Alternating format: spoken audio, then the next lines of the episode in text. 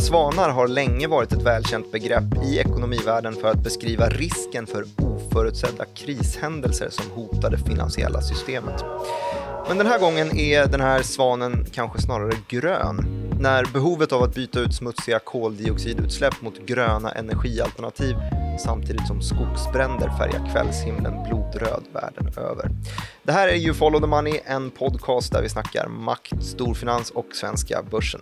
Jag heter Martin Nilsson och är studioankare och programledare på Nyhetsbyrån Direkt som ju är Nordens ledande nyhetsbyrå inom ekonomi och finans. Och med mig har jag dess utrikesredaktör Joakim Rönning. Idag ska vi snacka om en helt ny bransch som kallas cleantech. Helt ny kanske den inte är det att ta i, men den har i alla fall växt fram mot en fond av det senaste decenniet decenniets klimatkatastrofer. Och vi kommer ställa oss frågan om det verkligen är här vi kommer hitta lösningen på klimatekvationen. Härligt att sitta här med dig igen Joakim Rönning. Hur är ja, läget? Detsamma. Det, det är bra. Fint. Clean, Cleantech var ganska nytt ändå. Jag, Ja, jag sa ju helt ny bransch först, men den- 2010-talet har väl, är väl väldigt mycket cleantech på något sätt. Mm, det har det blivit. Ehm, många, I många olika liksom, delar av den här, det som går under begreppet cleantech som Ja, det är har det är kommit till Stockholmsbörsen i alla fall. som 17. Är det, Ja.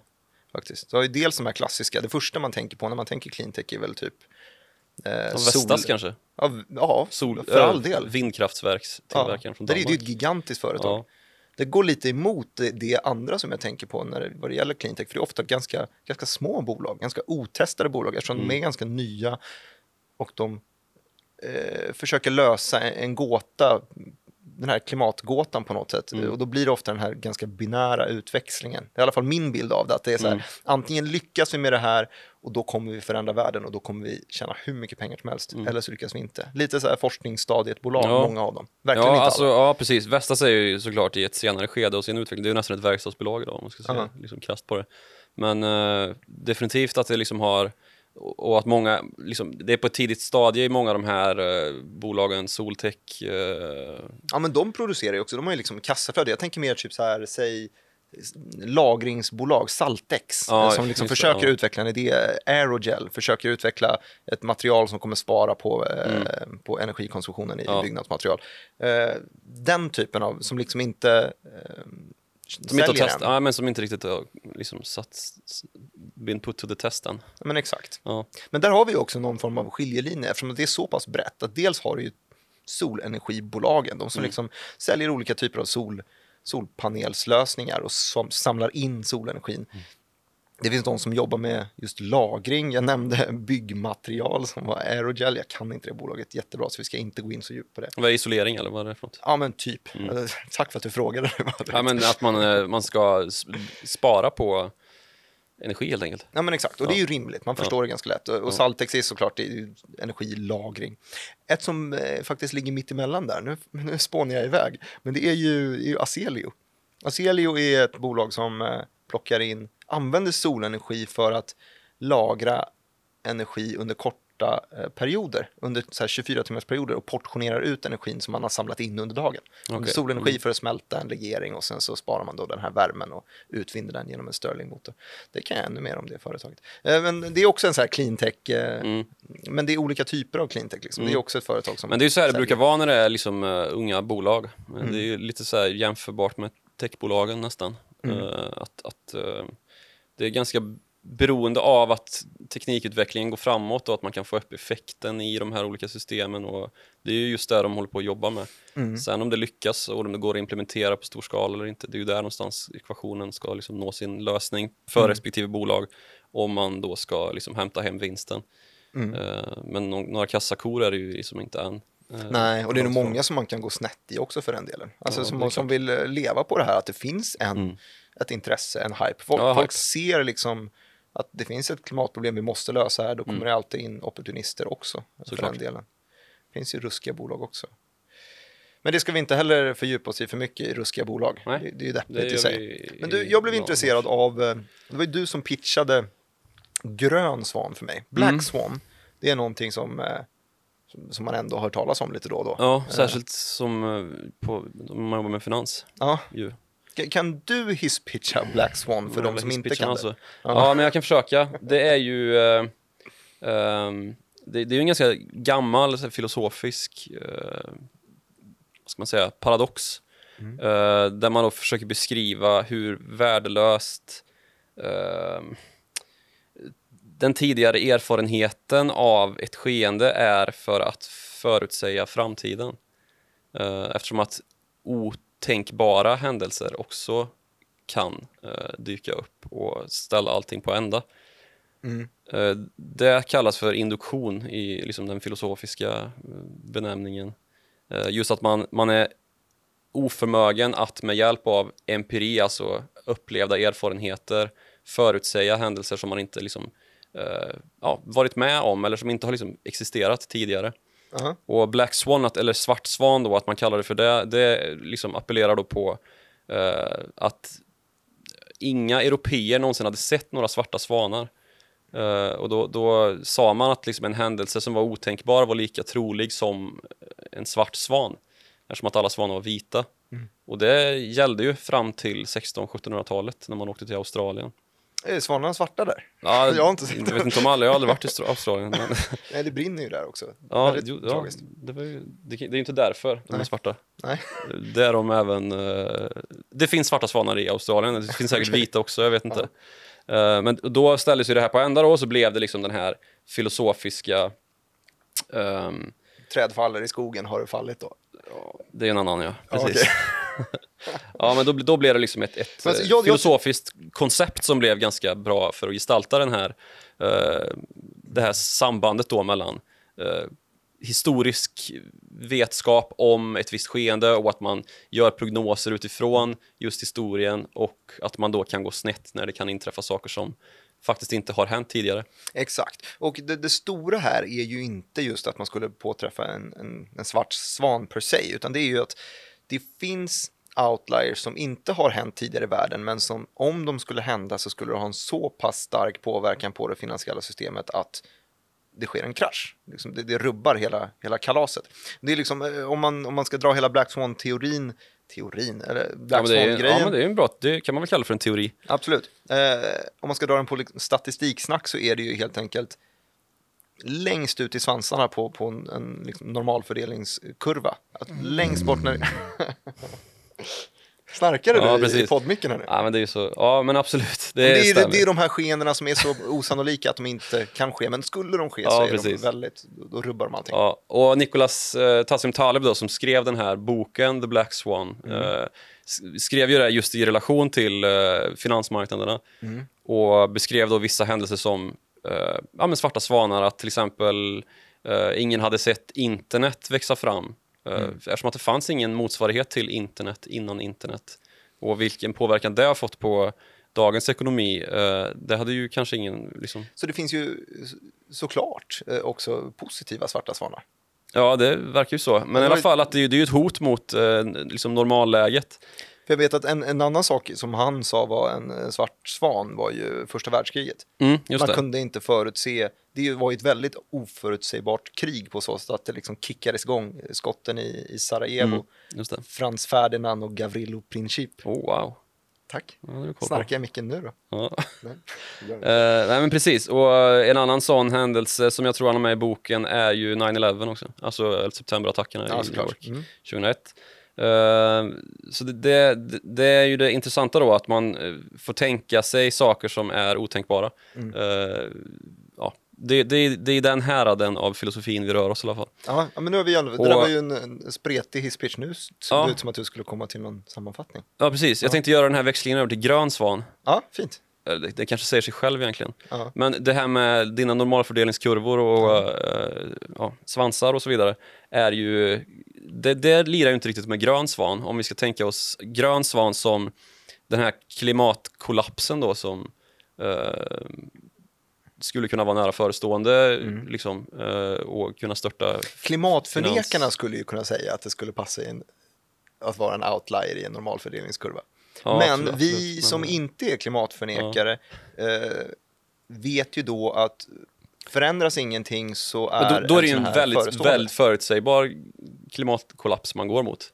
Förutsägbar att den ska ske, men man vet bara inte tajmingen på den och hur den kommer yttra sig. Inte exakt nej, men i stora drag så vet man ju liksom att eh, det kommer leda till höjda havsnivåer och eh, liksom eh, eh, flykting, klimatflyktingvågor av proportioner som, som inte Mm. liksom är jämförbara med någonting tidigare. Mm. Och hur man ska hantera det är ju ett liksom black box. Men, men då är den gröna svanen är ju då helt enkelt när ja, det, det första stora symptomet som är stort nog att rubba den finansiella sektorn. Ja, eller om man ser på det som fenomen då, liksom att eh, hela klimatfrågan är den gröna svanen. Mm. Och att vi ser liksom i allt större utsträckning de här eh, liksom klimatrelaterade katastroferna som ju sker med ganska så Men hur- täta hur- intervaller runt jorden nu. Hur pass kopplade, sammankopplade är de egentligen då? Ja, men om jag kollar lite, lite forskning inför här och Som man gör. Ja. som man ju gör numera. Och det har då visat sig, om man gör en jämförelse tillbaka till 1980 så Mm. är de eh, översvämningsrelaterade klimatkatastroferna fyra gånger så vanliga som de var då, 1980, alltså för Mm. 40 år sedan. Och om man tar från 2002 så är eh, extrema väderhändelser eh, överlag, liksom, inte bara vattenrelaterat, eh, dubbelt så vanliga. Mm. Eh, så det är klart att det är en ganska Stormar tydlig... och bränder och Ja, men torkor och... Torkor heter det så? Ja, jag tror det. Nej, det vet inte. Men man förstår ju, det Ja, handlar ju om att det blir eh, torrt. d- det är dubbelt så vanligt då på en, eh, ja, inte ens 20 år. Mm. Och ja, någonstans finns det väl säkert en felmarginal, men, men det är ju ändå tydlig liksom, eh, data på Värre nu än förr helt att enkelt. det är värre nu än förr. Ja. Och, och då Det handlar ju, hela cleantech-branschen handlar ju då om att mota grön svan i grind på något sätt. Mm. Eller i alla fall dechiffrera den någorlunda. eh, Ja, eller- ja, på precis. något sätt.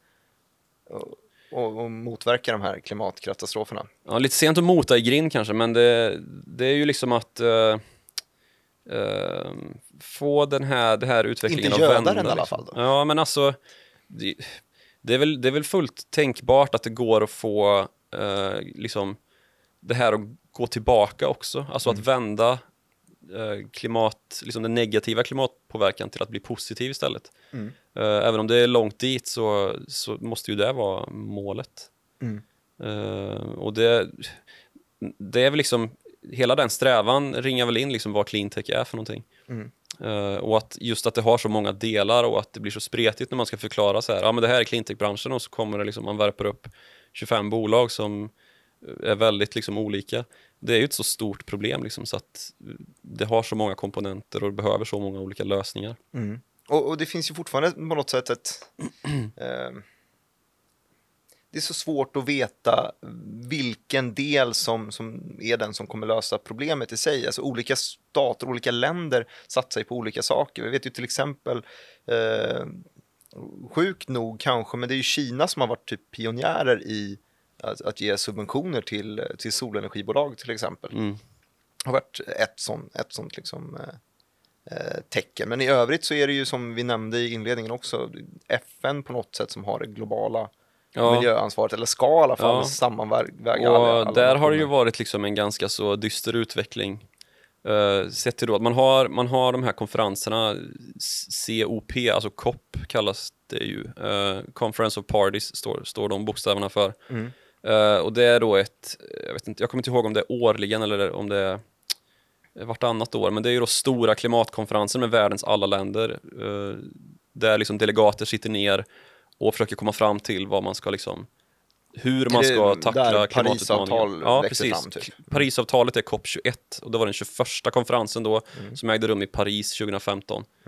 Eh, och det arbetet därifrån, för det var ju en lyckad konferens där man lyckades liksom komma fram till någonting, inte hela vägen i mål, men man lyckades liksom komma fram till någonting, ett avtal då. Och arbetet därefter har ju varit liksom att ratificera och få liksom eh, eh att, att alla går i samma riktning då mot det här avtalet och ser till att göra det man har förbundit sig till.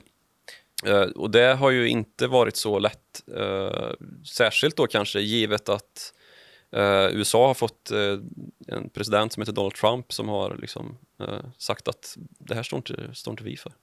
Mm, det står inte jag för i alla fall. Mm. Och liksom vänt sig, ja men kanske till och med liksom tangerat att vara en klimatförnekare. Och när världens störst, liksom mest mäktiga man är en klimatförnekare så är det ju liksom fara och färde.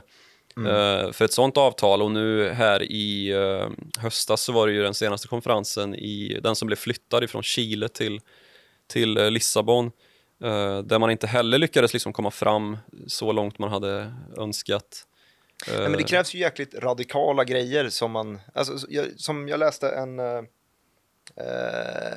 en rapport, jag satt och googlade lite gröna, gröna svanar igår också, jag läste en rapport från eh, BIS. Eh, Ja, just det. Bank of International Settlements, exakt. som är centralbankernas centralbank i världen. Ja men snyggt. Mm, Bra. Skönt att du kunde förklara det så snabbt. Ja men exakt, och då, då tar de ju också upp att ja, jo, men centralbanker kanske borde spela en, en större roll i det här miljöproblemet. För att det är svårt att koppla det till politik. För det är väldigt svårt att när man har mandatpolitik som det funkar i princip i hela världen så, Ja, så är det svårt fall- att vara ja. så pass långsiktig i, i ett beslut. Ja, i alla fall i västvärlden ju. Eh, Det problemet har ju inte Kina. Men Att eh, i alla fall typ införa, så- där finns det ju förslag på så koldioxidskatter Ja. och så vidare. Ja, men just det här att man får en, en lång liksom, period av stabil återhämtning i det här liksom, koldioxidutsläppsminsknings eh, eh, åtgärderna då, som man försöker få till. Eh, och, och då tittar Bank of International Settlements på hur kan centralbanksvärlden bidra då till den utvecklingen. Kort och gott. Eh, det är lite yrvaket kan jag känna. Men, och jag tror att det, det här är väl relaterat till då en eh, ekonomisk konferens nere i Davos som, som går av stapeln här i dagarna när vi spelar in det här. Ehm, men det man, det man de facto försöker göra, eller liksom föreslår då att man ska kunna göra, det är ju att gå in och sponsra eh, alltså ned, nedsläckningen av kolkraftverk och eh, den typen av liksom tillgångar. Men det är ju där cleantech, alltså om man nu tänker aktiebranschen, eh, branschen, aktiesektorn, finanssektorn, Aktiemarknaden. ja. aktiemarknaden heter den. Eh, Och man vill på något sätt kunna fånga in var de här pengarna landar. Vil- Vilka företag är det som får dem? Om man ska typ sponsra ett, ett, att man lägger ner ett kolkraftverk, var, var hamnar de pengarna istället? Energi energi- måste ju finnas. Ja, det är ju energibolagen. Alltså, vi kan ju titta på Tys- Tyskland nu, som nu i dagarna har gått ut med, efter förhandling med de stora tyska eh, energibolagen, typ, alltså tänk Vattenfall, eh, fast nere i Tyskland, ett bolag som heter RWE, som är ett av de största tyska energibolagen som har en massa smutsiga kolkraftverk, som tyska regeringen då, för att just linjera med Parisavtalet, eh, har bestämt sig för att då går man in och sponsrar RWE för att stänga ner kolkraften. Jäklar ja. Och då får man ju se på liksom att det är en massa, det är tusentals jobb som försvinner när man stänger ner eh, storskalig kolkraft. Större delen av öst, östra Tyskland eh, liksom har sin energiförsörjning från de här kolkraftverken fortfarande. Eh, alltså Vattenfall har haft kolkraftverk nere i Tyskland liksom i modern tid. Eh, Modern tid, alltså det, vi snackar 2010-tal. Ehm, och, och liksom det, så det, det är liksom... Ja, den har man- ju verkligen en framstående position på, i industrierna. Kolkraftverk liksom fyller en väldigt viktig funktion fortfarande i världen. Ja, definitivt. Det, Den det är ju tyvärr så. Ja. Och om man tittar på Kina då som å ena sidan har ganska stora statliga subventioner mot eh, sol... Hade. mot solpanelsutveckling. Eh, utveckling, eh, som nu då har liksom monterats ner lite, ja, eller helt, jag är inte helt säker på hur det ser ut. Nej, inte jag heller. Eh, men man har i alla fall definitivt nedmonterat, alltså festen är slut för kinesisk solkraft, så är det. Mm. Eh, men samtidigt då som man har satsat på solpaneler så har man också eh, en, eller en fruktansvärt stor kolkraftsutvinning. Varför är det så? Ja, för att man har ett så stort energibehov helt enkelt.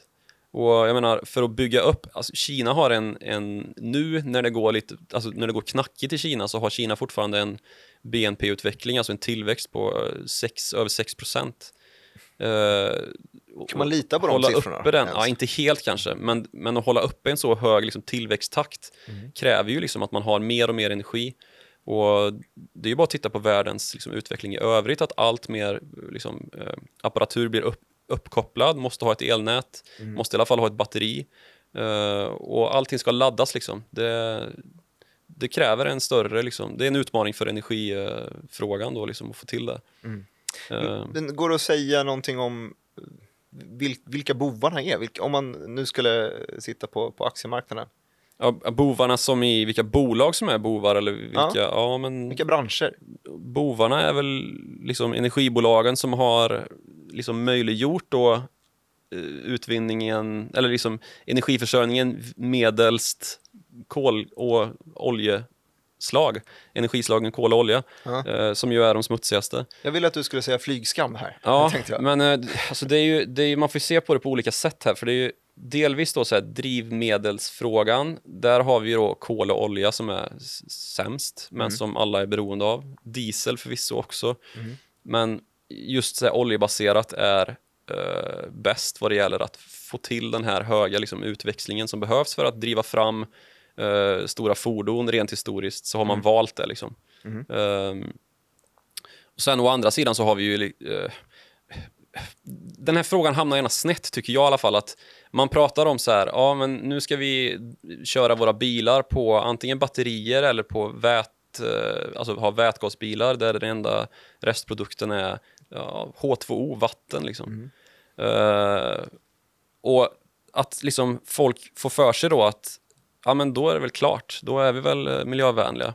Mm. Problemet är ju bara att du ska ju tillverka den här bilen också. Du ska liksom bryta malm någonstans uppe i Lappland kanske, mm. i bästa fall eftersom att den svenska mineralutvinningen är många gånger bättre än vad den är liksom i, ja, det är bara att åka över Östersjön till typ Polen mm. och se hur, hur mycket energi som krävs för att ta ut malm där. Mm. Uh, och du ska liksom tillverka stål Eh, plåt för att kunna bygga en bil. Och alltså allt det här eh, kräver i många fall kol. Mm. Men det är eh, transportindustrin som har fått den största bläckan bara? Ja, alltså det finns ju ganska intressanta liksom, eh, jämförelser att göra där som är ganska, liksom, eh, ganska lättförståeliga. Eh, alltså svenska, svenskarnas utlandsresor med flyg Uh, under förra året släppte ut ungefär 19 miljoner ton CO2, alltså koldioxid. Säg mig nada. Nej, precis. Uh, uh, nej, förlåt, det, så här var det. Det var 11 miljoner ton växthusgaser som släpptes ut från svenska utlandsresor med flyg. De har okay. till Thailand. Liksom. Mm. En, en Thailandsresa är ungefär två ton koldioxid. Okay. Den svenska industrin släppte i fjol ut 19 miljoner ton. Så alltså nästan dubbelt så mycket som ja, 11 miljoner det svenska flygandet. Ja, okay. precis. Industrin. Mm. Um, Vilken och, industri snackar vi om då? Vad, vad är det för? Är det tung? Är det cement? Det, ja, det kan det ju vara. Det kan vara cementindustri, det kan vara kemi är också ganska illa, petrokemi. Mm. Mm. Uh, och sen så har vi ju stål, uh, en stor post i Sverige. Bovarna är Cementa och SSAB med andra ord? Ja men typ. Uh -huh. uh, SSABs, uh, jag vet inte vad de har där, men i, de har ett, ett verk i Oxelösund som är den enskilt största energikonsumenten mm. uh, i Sverige. Mm. Den enskilt största en energikonsumenten i Sverige? Ja, ja. precis. Solenergi? Nej, det, nej det, det, är det ju inte bara i alla fall. Mm. Uh, I bästa fall är det väl vatten, alltså, det har vi inte ens pratat om, men vattenkraftverken. Men vattenkraftverk, är det, är ändå lite, det känns lite old school, det, det, är, det är etablerat, det ja, finns ju. Det är ju det är bara våra batterier om Power något. som ska komma in och göra vågkraft. Och, och de? Ja men de, de eh, lite, jag vet, vet nej, inte exakt så mycket. Det är, men det, det, är ett bolag som eh, som ska utvinna energi genom vågkraft. Ja. Är det, som, som gjorde IPO här under 2019. Vi har ju de eh, Minesto också va? Mm, det kan det stämma. Som har någon sån här tidvatten. Eh. Ja men exakt, men det är inte samma, samma typ av eh, det här är liksom vågor som, eh, som eh, havet rör på sig, okay, upp och ner, ja. upp och ner. Eh, och där kan man utvinna, och det kan man ju förstå att man kan utvinna kraft. Ja. Men vattenkraft är ju ganska utbrett, så ganska välforskat. Ja, då snackar vi dammar liksom uppe Exakt, ja. exakt. Den typen av vattenkraft har ju funnits mm. bra lång tid. Mm. Liksom. Sen så är ju inte det helt liksom opåverkande på ekologi, så, men Nej, men det är ju en, ja. det är en, annan, det är en annan grej. Det, då kan man ju ta in kärnkraft i den här debatten också. Det är ju inte ja, koldioxidutsläpp, utan inte, det, det, svårt det finns andra risker med det, mm. men det är bra energitäthet på det där. Just det. Uh, men i alla fall då, om man ska liksom knyta ihop säcken kring vilka vart någonstans lösningen finns Mm. så är det ju kanske inte så enkelt som att liksom ehm, ja men bra, då har vi, då har vi liksom bilar som går på vätgas och bara släpper ut vatten och vi har solkraft och vi har eh, vindkraft som liksom försörjer oss Mm. till fullo. Utan du ska ju fortfarande liksom ha en fungerande tillverkningsindustri Mm. Eh, och det har vi idag inte utan Vad är det som är spärren där och varför kan man inte bara använda, använda den eh, solenergin? Därför att det Eller- behövs, alltså, det behövs så mycket Alltså det behövs så mycket värme för att smälta stål, kort och gott, att du måste ha kol till det idag. Eh, och där finns det ju en massa väldigt, väldigt viktiga projekt då som genomförs. Eh, bland annat SSAB har ju, eller de har gått ut ganska hårt med eh, ett projekt som heter Hybrid, där man ska tillverka det första gröna stålet. Där man då lyckas tillverka, just smälta stål med hjälp av vätgas istället för med, med hjälp av kol. Då. Mm. Eh, och det i, sin, det i sig kan ju bli en... Så att vi har ju, jag radade ju upp, det kanske var fel i sig, men jag radade ju upp SSAB som en av, de, en av bovarna, alltså SSAB och, och Cementa. Eh, men då betyder det att eh, SSAB skulle lika gärna kunna vara den som eh, gör störst skillnad, i alla fall ur, ur svensk synpunkt. Om de hade det största eh, energikonsumenten i Oxelösund, sa du, Ja. eh, och de har samtidigt ett projekt att kunna tillverka grönt stål. För Ja. där har vi någonting, det är en skillnad här i energibranschen tycker jag. Att om man tänker oss hela cleantech-brädet, alla de olika, vi snackar lagring, vi snackar forskning, vi snackar byggmaterial, vi snackar solenergi, vattenenergi och så vidare. Det är fina lösningar som de kan skapa, men infrastrukturen för dem finns inte riktigt utbredda. Alltså, skulle de få till en lösning, någon av de här företagen, få till en totalt revolutionär lösning som skulle kunna implementeras i hela världen, så skulle det ta lång tid att implementera den i alla fall. Det skulle, man skulle behöva ändra stora liksom, infrastrukturer, bygga stora solkraftsanläggningar eller eh, Acelios grejer eller Saltex teknologi eller Aerogel eller vad som helst. Skillnaden med eh, SSAB, om de skulle kunna ändra på någonting, så handlar det om att byta ut en ugn. Det handlar om att byta ut en fet masugn som drivs på kolkraft idag, eller hur det nu var, mot att drivas istället av eh, vätgas. Och, och resten av industrin, alltså det spelar ingen roll för eh, personen som står och bankar ut stålet. Liksom. Om, om stålet har tillverkats i en grön ugn eller i en eh, jäkligt brun ugn. Mm. Så där finns ju infrastrukturen på plats redan. Och det gör ju att där kan det liksom, skulle de få igenom en sån här, eh, ett sånt här projekt och det skulle bli eh, fördelaktigt och, och, och funka, så skulle de ju kunna ta över stora marknadsandelar på den branschen på, på otroligt kort tid. Och Ja. det ser inte jag på samma sätt i alla fall bland många av de andra cleantech-företagen. Även om de Nej, kan det det, är så... klart att det är en väldigt viktig poäng. Och jag såg någon analytiker som var ute och pratade om just SSAB som ett starkt hållbarhetscase. Vilket ju låter väldigt paradoxalt, liksom, att den, den största eh, liksom, konsumenten i Sverige också är ett starkt hållbarhetscase. Men det är just det här gröna stålet. Och att då många kunder eh, som köper stål av SSAB och många andra skulle vara liksom tvingade att köpa stål av just SSAB om det stålet vore helt grönt. Så att det blir en oerhörd liksom, eh, konkurrensfördel. där, Eh, och att, att de själva då i en liksom förlängning har ansvaret att redovisa sina produkter om hur liksom klimatpositiva de är och så vidare. Eh, har man då liksom en stålprodukt som är ja, klimatneutral så, så är ju väldigt mycket vunnet där. Men är det, också, det är ju också väldigt mycket surr om att det ska vara de stora typ oljebolagen som själva kommer driva förändringen av energibranschen. Ligger det någon sanning i det då? Är det liksom SSAB och Lundin Petroleum som kommer lösa klimatkrisen? Ja, men där har vi ju en eh, intressant aspekt också. Och där är det ju kanske inte lika muntert eh, på den fronten. Eh, nu ska man liksom separera vilka man pratar om här också. Vi har ju bland annat sett några ganska intressanta eh, investeringar från eh, Equinor, norsk, norska... Före detta Statoil? Ja, precis. Som jag köpt in sig i uh, Scatec, va? Ja, Scatec Solar. Ja, ett sol, solkraftsbolag då. Mhm. Eh, och det har varit en del andra intressanta rörelser i den liksom häraden. Eh, Där har vi också en punkt, om jag får göra ett instick igen. Ja. Eh, det är ju det att Scatec är ett, ett ordentligt mycket större bolag.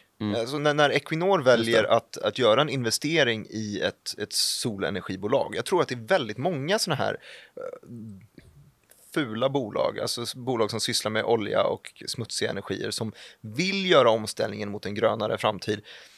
Men det är svårt för dem att gå in i eh, Triboron, liksom 500 miljoner, jag vet inte vad de har för market cap, Nej. som alltså håller på och forskar i ett viktigt problem och, eh, och gör väl bränsle, energieffektivisering eller någonting. Men det är svårt för dem att komma in och köpa sånt, de vill väl se ett företag som kan stå på egna ben först.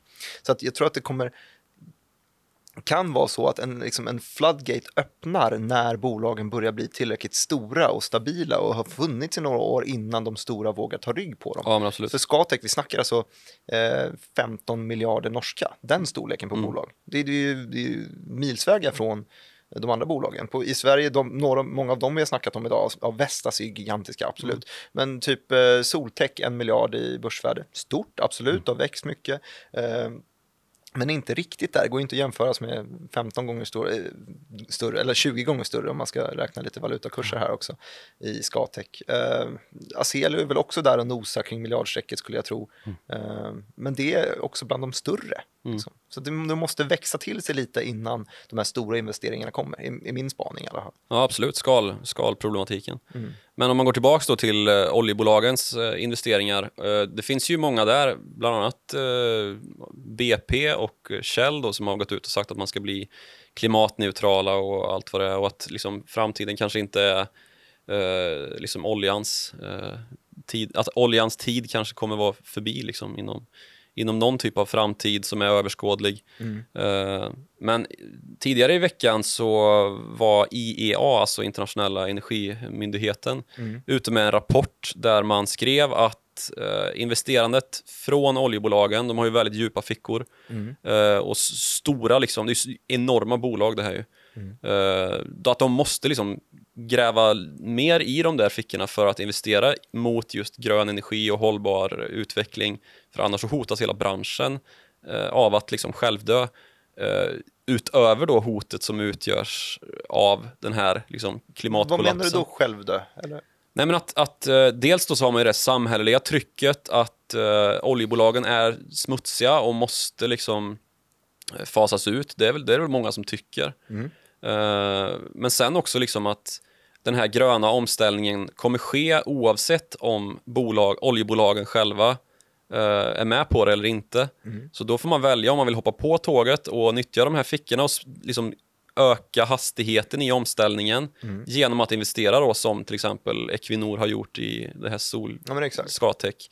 Eh, för att idag så går eh, 1% av de här oljebolagens, alltså hela, hela eh, internationella oljebolags eh, ja, branschen eh, till just eh, grön omställning.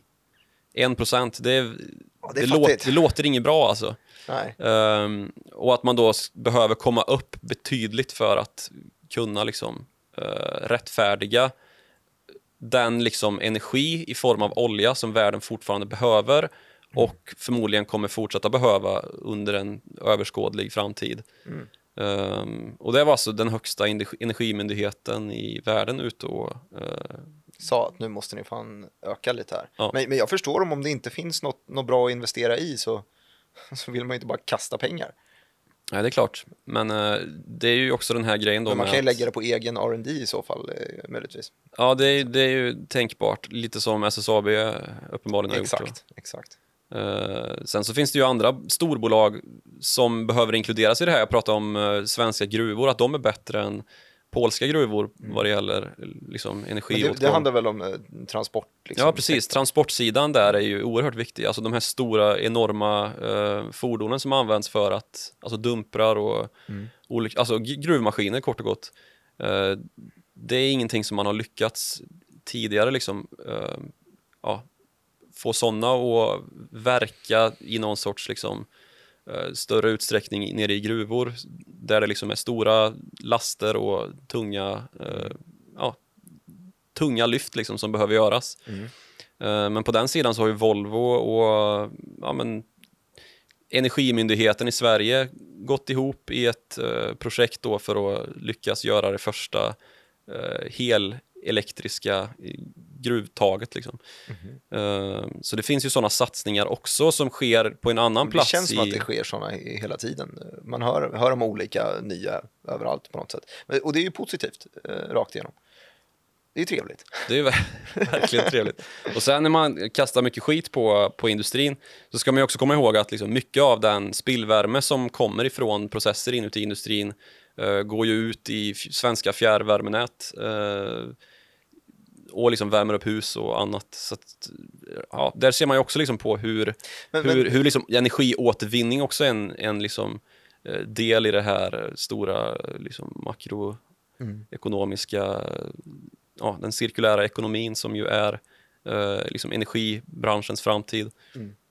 Du, eh, om vi skulle sammanfatta, det här kändes som kanske det spretigaste avsnittet hittills, men det är ett ganska, det finns, för att det sitter ihop i så, så jäkla mycket olika delar, Ja. cleantech-branschen. Så vi började ju med att snacka om, eh, om cleantech-sektorn och de olika bolagen. Vi snackade lite solenergibolag, eller det var jag som drog några solenergibolag, lite lagringsbolag, lite vindkraftsbolag och så vidare. Eh, och kopplade det till en grön svan. Eh, där vi också då berättade om vad, vad en black swan är för någonting, vad en svart svan är. Den här oförutsägbara händelsen som kan rubba hela finansiella systemet. Och när man då målar den grön så då drar man då kopplingen till, att, till miljökatastrofer. Att eh, risken eh, imorgon är större för en miljökatastrof än vad den var i, igår eh, på något sätt. Och den här eh, kopplingen kommer synas på investeringarna. Eh, Och sen så har vi då gått vidare och eh, pratat om att ja, men tidigare har det varit lite, lite svårt att investera i, i just cleantech för att många av bolagen har varit ganska riskfyllda för att de är, de är små. Det är liksom en ganska omogen bransch. Men så har vi landat i SSAB. Eh, SSAB har det blivit ganska mycket snack om. om eh, som först målade vi upp den som en av bovarna i, i det hela stora eh, klimatgrejen. Eh, men att det kanske är bovarna som sitter på svaret för att de, de konkurrerar ju med sig själva på något sätt. De kan ganska snabbt göra omställningen om de får igenom ett tillräckligt bra projekt, ett tillräckligt bra funktion på det här. Mm. Det är paradoxalt liksom att eh, de största klimatbovarna kanske har en ännu större del i lösningen på frågan än vad de här nydanande cleantech-bolagen har eh, i det långa loppet. Och att de som, just att de som bidragit kanske allra mest till att smutsa ner klimatet och orsaka den här, eh, de här liksom globala katastroferna som, som ju faktiskt pågår med liksom eh, ofantliga skogsbränder som tar död på hela städer, eh, eller byar i alla fall, i liksom Kalifornien, där man, dit man kan åka på semester emellanåt. Eh, Som man gör. Jag har aldrig varit där. Det skulle Nej. vara kul. Det skulle vara kul att åka. jag har bott där. Ja, det har jag. Då fick du det sagt. Kul. ja, nej, men det är ju det vi har pratat om. Eh, Mm. Jag tycker att det är... Nej, för stort för en enda aktörs lösning i alla fall. Så, så så, kan vi sammanfatta det. Så kan vi absolut sammanfatta det. Eh, Jag vill, eh, kan jag få tacka, tacka lyssnare och, och stänga ner det här? Eller är det något mer? Kan vi försöka i alla fall. Vi gör ett försök. Ja, jo, men då vill jag ju tacka eh, dig som har lyssnat. Ja, dig pratar jag med just nu. Och jag vill att du också kanske skriver en liten recension om oss om du använder eh, iTunes Podcaster-app. Där kan man skriva något, några fina ord. Eh, man kan också sätta ett betyg på oss och man kan framför allt önska vad vi ska prata om eh, och kanske ge oss lite, lite tips om vad vi kan göra bättre och vad Joakim kan göra bättre framför allt. Mm. Ehm, man kan också mejla in till oss om man har förslag på ämnen eller dylikt som jag precis nämnde och då använder man followthemoney at direkt.se. Eh, och eh, det är väl ungefär det, Mm. eller hur? Ja. Ska vi avsluta där? Tack för att ni har lyssnat. Hej.